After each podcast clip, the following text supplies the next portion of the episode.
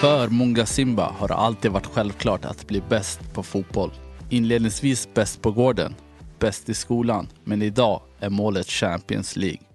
En mästare behöver motivation som sträcker sig bortom att vinna och motivation, det har veckans sommargäst gott om. För när havet stormar och nätterna blir långa vet många varför han inte ska ge upp.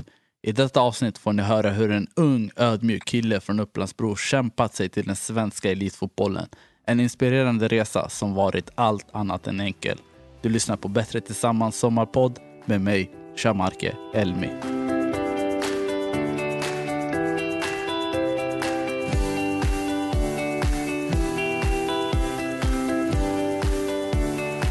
Varmt välkommen till sommarpodden Munga Simba. Tack så mycket. Tack, tack, tack. Hur känns det att sitta här idag? Eh, Som jag sa innan, lite nervös du vet. Lite nervös. Det är Men, första eh, gången du poddar eller? Ja, ja, det är första gången. Ja. Eh, Du borde vara van med media vid det här laget tänker jag. Jo, egentligen, men podden är en ny grej du vet. Det är en ny grej, man ska surra du vet. Sen, jag vet inte jag. Man måste visa sin personlighet Förstår du? kanske. Förstår du? Man kan inte vara död igen och lägga så här döda svar igen. Exakt. Presentera dig själv till lyssnarna. Vem är du? Nej, som sagt, jag heter Munga Simba. Eh, född 2000, eh, från Bro. Men det, mer än så vet jag inte vad man kan lägga till. Är du en snäll kille? Ja, som människa alltså, jag skulle nog tänka, eller säga att jag är ganska snäll. Eh, lugn, inte, sådär, uh, inte så busig du vet. Men eh, man kan gå igång ibland, ibland jag går igång om någonting gör något sådär då man går igång. Men annars ofta samlad. Ofta samlad. Jag förstår. Igår spelade du på Tele2 Arena i Stockholm framför 20 000 personer mot Djurgårdens IF. Det gick inte som ni hade kanske tänkt, men berätta, hur var det? Nej alltså det var som sagt, det var en upplevelse alltså. Riktigt fin upplevelse. Man kom dit, bara när man kom in innan eh, till arenan man såg runt, man tänkte ah, wow. Man såg ju, när man tänkte några år innan man var i läktaren och kollade i Hammarby, du vet. Så spelade jag också Tele2. När man sålde biljetter när man var liten, du vet. Sen jag tänkte, ah, nu man är här, du vet. Så det var en sjuk känsla faktiskt. Men eh, ja, matchen gick som den gick, så det var inte så, det var inte så roligt. Men Du hade mycket familj och vänner i Ja, läktaren. mycket familj och morbror och storebror och sånt. Kusiner var där, så det var, det var fett roligt faktiskt. Fett roligt. Ja, och man kommer ju inte, man får ju inte en sån här möjlighet över en natt bara, utan det har varit en lång resa. Berätta om dina första fotbollsminnen. Mina fotboll, första fotbollsminnen, det är, vet du här i Bro IK faktiskt. Man spelade i Bro. Eh, jag hade en vän, eh, farsa som var tränare då under den tiden. Eh, jag minns att vi tränade några träningar på Roby i hallen. Och sen, eh, sen minns jag att eh, vi skulle... Jag blev typ kickad från Bro. Är det sant? ja, man ska säga så. Ja. För Jag minns man skulle ha en månadshavare till träning. Sen eh, min morsa skulle komma till och träning. Fast hon skulle komma efter mig och min tvillingbror. Uh, och sen, eh, ja, vi kommer dit och vi, de bara ni måste ha vårdnadshavare. Min bror och jag vi bara ey hon kommer. Alltså, hon kommer ju. Hon var på väg Hon alltså? var på väg. Och sen de bara, nej alltså om hon inte kan vara här nu då får inte ni komma in. Sådär. Så det är en dörr ju vid hallen, så de stängde dörren. Så vi kunde inte komma in. Så vi tänkte, ja, vad ska vi göra nu? Sådär. Så vi drog hem. Vi drog. Och Hur gamla var ni då? Hur gamla var vi? Vi var kanske sju bast. Sju år kanske. Och jag minns min mamma kom dit och vi hade gått hem. Så det var så här, det blev... Ni missade Ja, varandra? vi visade varandra. Förstår du? Sen, eh, ja, under den tiden, alltså, min mamma hade sagt hela tiden ni ska börja i BP. För min storebror hade spelat när han var yngre i BP. Och efter det där det hände, då hon blev, så här, hon blev skitarg. Du vet. Och bara, ja, nu vi ringer BP.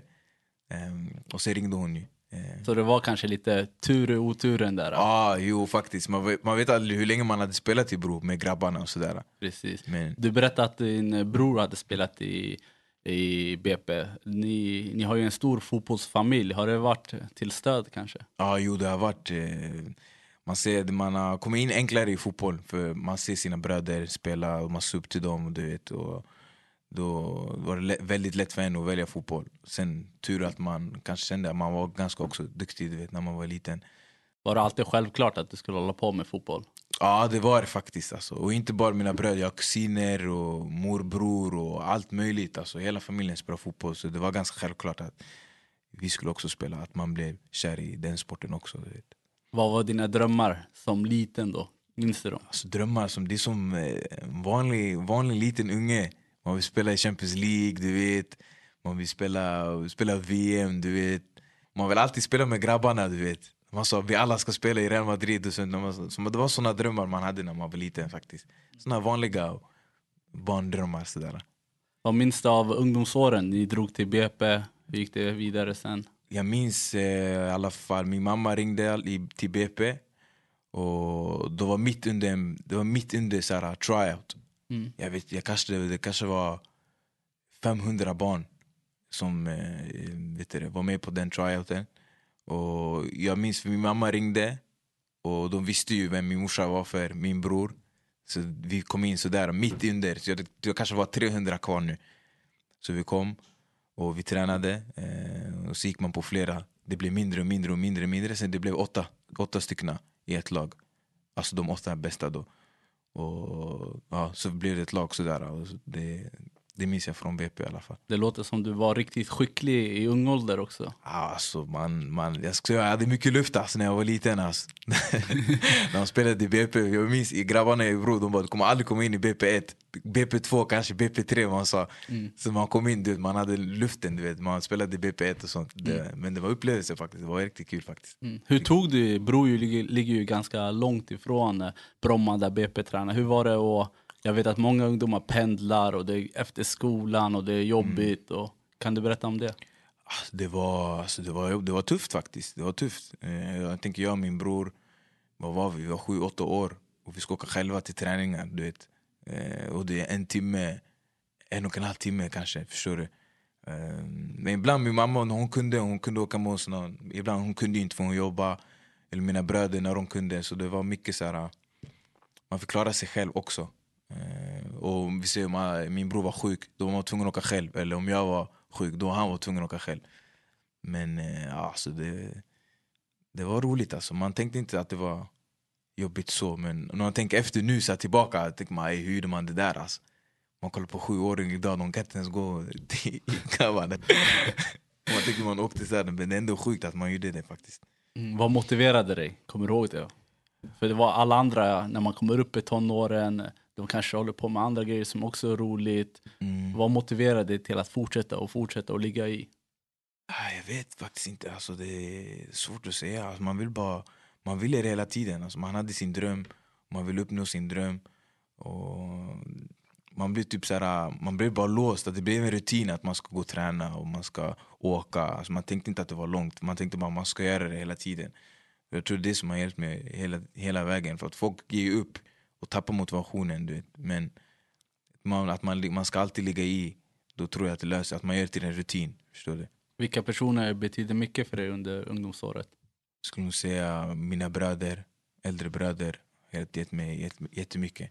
Eh, som sagt, eh, de har ju själv spelat eh, och de blir ju inte proffs. Men eh, det tror jag var lättare för mig för man kunde lära sig av deras misstag och vad de gjorde fel. Och det sa de till mig att okej, okay, du behöver inte göra det här kan bete dig så här istället. Eller om du blir besviken, då bete dig så här.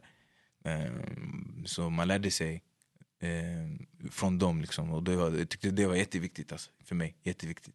Hur var steget från ungdomsfotbollsspelare till seniorfotbollsspelare? Jag flyttade ganska tidigt. Jag tog det steget ganska tidigt. Um, jag tror jag var 14 år när jag gick från Hammarby uh, till... Eller var det 14? Kanske var 15, 14-15 i alla fall. Eh, från Hammarby till Håbo då, som spelade division 2. Och man kände när man tränade med äldre ett tag och division 2 var ändå det ganska, hög, ganska högt nivå för en ung spelare. Man kände man fick alltid övertag när man mötte yngre spelare hela tiden. Och man hade såna stadslag eh, med upplandslag. Man kände att man hade mer tempo i sig. Och det var, man, jag tycker det är, en, det är en bra fördel att ha. Ett råd också till alla unga spelare att försöka ta det steget tidigt. För um, Det hjälper en faktiskt väldigt mycket. Väldigt mycket faktiskt. Mm. När flyttade du hemifrån? Flyttade hemifrån eh, 2000, eh, 2018 på vintern. där. Hur gammal var du? Till, jag, var, jag var 17 då, skulle fylla 18 det året. Eh, till Sandviken då. Eh, Och det ligger i Gävle, tror jag. det ligger Gävle, lite ovanför Gävle. Kanske pff, tre- 20 minuter ovanför Gävle. Kanske ligger det. Hur var det? Lämna familjen och alla bröder som du berättar som var viktiga för dig och så. Och leva på dina egna ben. Alltså från början man tänkte det är det här man vill göra, du vet. Så man var inte så man lekte så här. Men jag minns, jag minns eh, vet du, precis innan jag skulle gå ut så grät min mamma om att jag skulle gå. Och då jag hamnade i chock. Så här, för hela, vi hade garvat hela tiden. Skulle, jag hade packat, hon hade hjälpt mig packa. Precis när jag skulle gå så började hon gråta. Du vet. Och då jag tänkte oj, vad hände? Typ, så, här. så jag började trösta henne. Typ. Och sen jag går ut och väntar i bussen då tårar rinner du vet. Då jag tänkte jag, jag ska flytta hemifrån alltså. Det är då det landar i Ja, dig. det var då jag landade. Jag tänkte, vad, vad gör jag? Vad, ey, vad, vad ska hända nu? Typ, så här. Men, eh, ja, men den, för den flyttningen det var ganska lätt. Man åkte hem ganska ofta då i början. När man hade en dag ledigt, man åkte hem direkt. Eh, så det var, det var ändå ganska enkelt. Ganska enkelt. Kunde du vända mammas tårar till motivation kanske? Ja, det gjorde jag. Det gjorde jag hela tiden. Och alla, alla he- där hemma, eh, för de, de, de där hemma de ville att man skulle fortsätta. Och de vill ha, man tänker, nu som om jag har det tufft i fotbollen nu idag och man vänder sig till dem och de tänker Ey, vi önskar att vi hade ditt problem. Förstår du? Eh, då man blir alltid motiverad. Så här, och, för det är ändå, man lever på det nu. Så När förstod du att du kunde leva på bollen?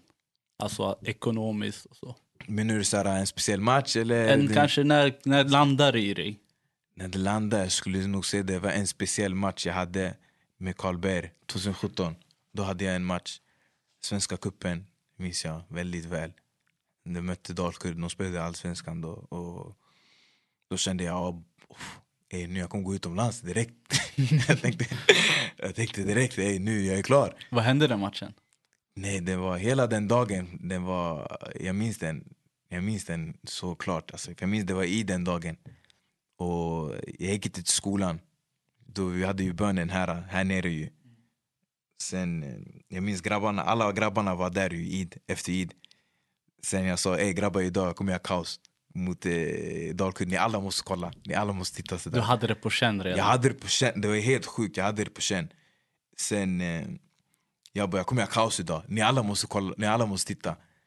Sen jag minns, jag tog en selfie på Snap, jag la upp på story. Sen en kille skrev också då, ey du är helt redo idag. Mm. Så jag bara, ah bro idag jag kommer göra kaos. Du vet. Så man känner publiken kom, folk de bara, folk de bara, ey jag börjar bli nervös alltså. Folk du vet, jättenervös. För det första gången vi mötte, vi spelade in för en sån där stor publik, jag tror det var tusen pers. Då jag bara, kolla på honom, jag, ge mig bara bollen då. Om du är nervös, jag, jag, du vet. Jag löser det. Ja, jag löser det. Du vet. Jag, alltså, jag, jag vet inte vilken luft jag hade den dagen. Men sen, eh, ja, det, det gick som det gick. Eh, jag gjorde mål den matchen, men vi vann inte. Men jag gjorde en bra match och sen, det var då folk började veta så här, okej, han kanske... Det var inte vilket mål som helst. Kan Nej. du beskriva hur det gick till? beskriva, jag tror det var från egen plan här att få en boll här, djupet tror jag. Och sen, jag kände en springduell mellan mig och en kille. Så jag hinner först på den. Eh, och sen får jag bollen och springer, viker in och sen skjuter den i krysset. I bortre krysset? Ja, i krysset. Och sen, ja, alltså, hela, alltså, hade, en- det var en sjuk känsla. Alltså. Det en sjuk, jag, visste, jag, jag, visste, jag, jag skrek ingenting. Och sen man ligger ner, folk kollar bara ah, du ska till allsvenskan nu. Ja. Alla i laget du. De bara, du är klar, du är klar, du är klar. Wow. Så jag tänkte, ah, det var en sjuk känsla den dagen. Det var en sjuk känsla. Sen lämnade du inte bara ditt hem utan du lämnade landet också. Lämnade landet eh, efter Västerås där. Eh, hade från Sandviken till Västerås. Och var i Västerås ett halvår. Ett halvår. Eh, och sen drog jag, ja, som du säger, lasset till Brann. Mm. Du berättade tidigare när du ändå bara flyttade till Gävle att du fortfarande kunde besöka familjen lite varje gång du hade ledigt. Men när du flyttade till Norge då kunde du inte göra det. Hur var det? Ja, det, var, det var ganska jobbigt. Alltså. Jag minns det var en, min kusin, han sa ey, vi kommer inte se det på hela året ju. Så jag bara, då kommer inte ni komma? Han bara, hur ska vi åka till bergen? Va? Det är för långt. Jag bara, hur ska vi träffas? Så då man tänkte, ah, det kanske... Ja, ja det, var, det var tuffare än vad jag trodde faktiskt, att bo själv där borta. Det var det faktiskt. Eh, Hur kunde du hantera alla motgångar? Du var skadad där en period. Det gick inte så bra i början. Hur eh, hanterade du det? hanterade alltså försökte göra det bästa av, som möjligt. Eh, man pratade ju oftast, man pratade med dem hemma också. Som de försökte hålla, eh, vad ska man säga, hålla motivationen uppe du vet.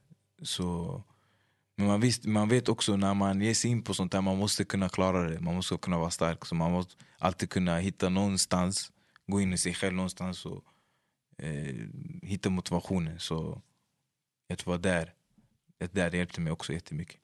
När du var yngre då du, du, du motiverades av att spela i de stora klubbarna tillsammans med dina vänner som du berättar. Vad motiverar dig idag när du sitter här? Motiverar mig idag? Eh, svår fråga. Alltså, det är, jag tror det är sam- någonstans där det är samma drömmar. Du vet.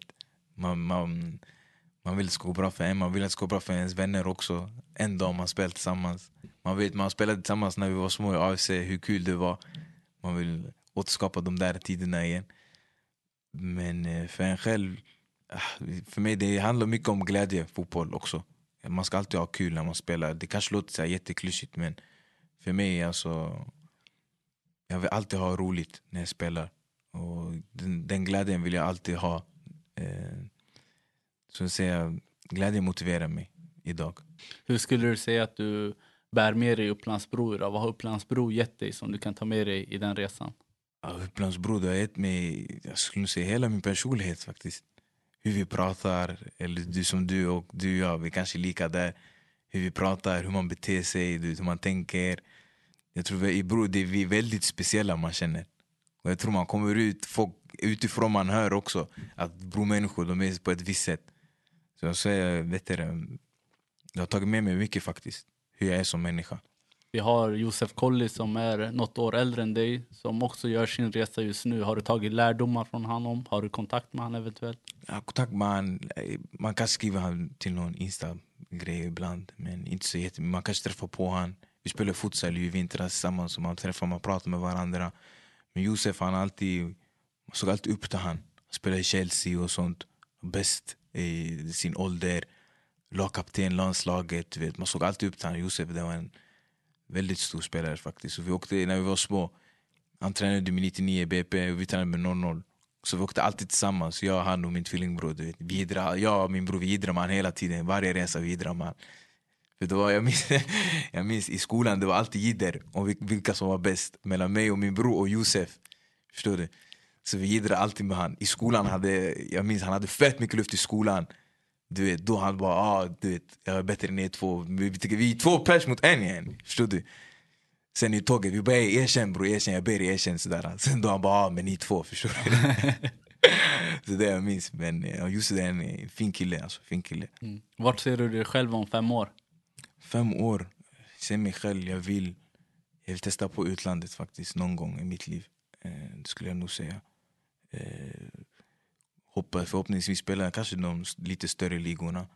Eh, jag ser mig själv att jag kan, skulle kunna klara det. Eh, men det gäller att jobba lite hårdare och göra lite allt bättre så ska det kunna gå. Hur ska du nå dit? Som sagt, alltså, hårt jobb. Alltså. Mycket extra jobb. Mer än vad jag gör nu. Eh, och det man är bra på, och göra det ännu bättre. Förstår du? Eh, sina spetsegenskaper liksom. Och jag tror det, det är viktigast för mig. Alltså. Kan du typ så konkret beskriva dina drömmar idag? Mina drömmar idag, leva på fotboll såklart. Leva på fotboll. Och ekonomiskt oberoende hade varit fett nice. Eh, spela, spela Champions League någon gång. Champions League.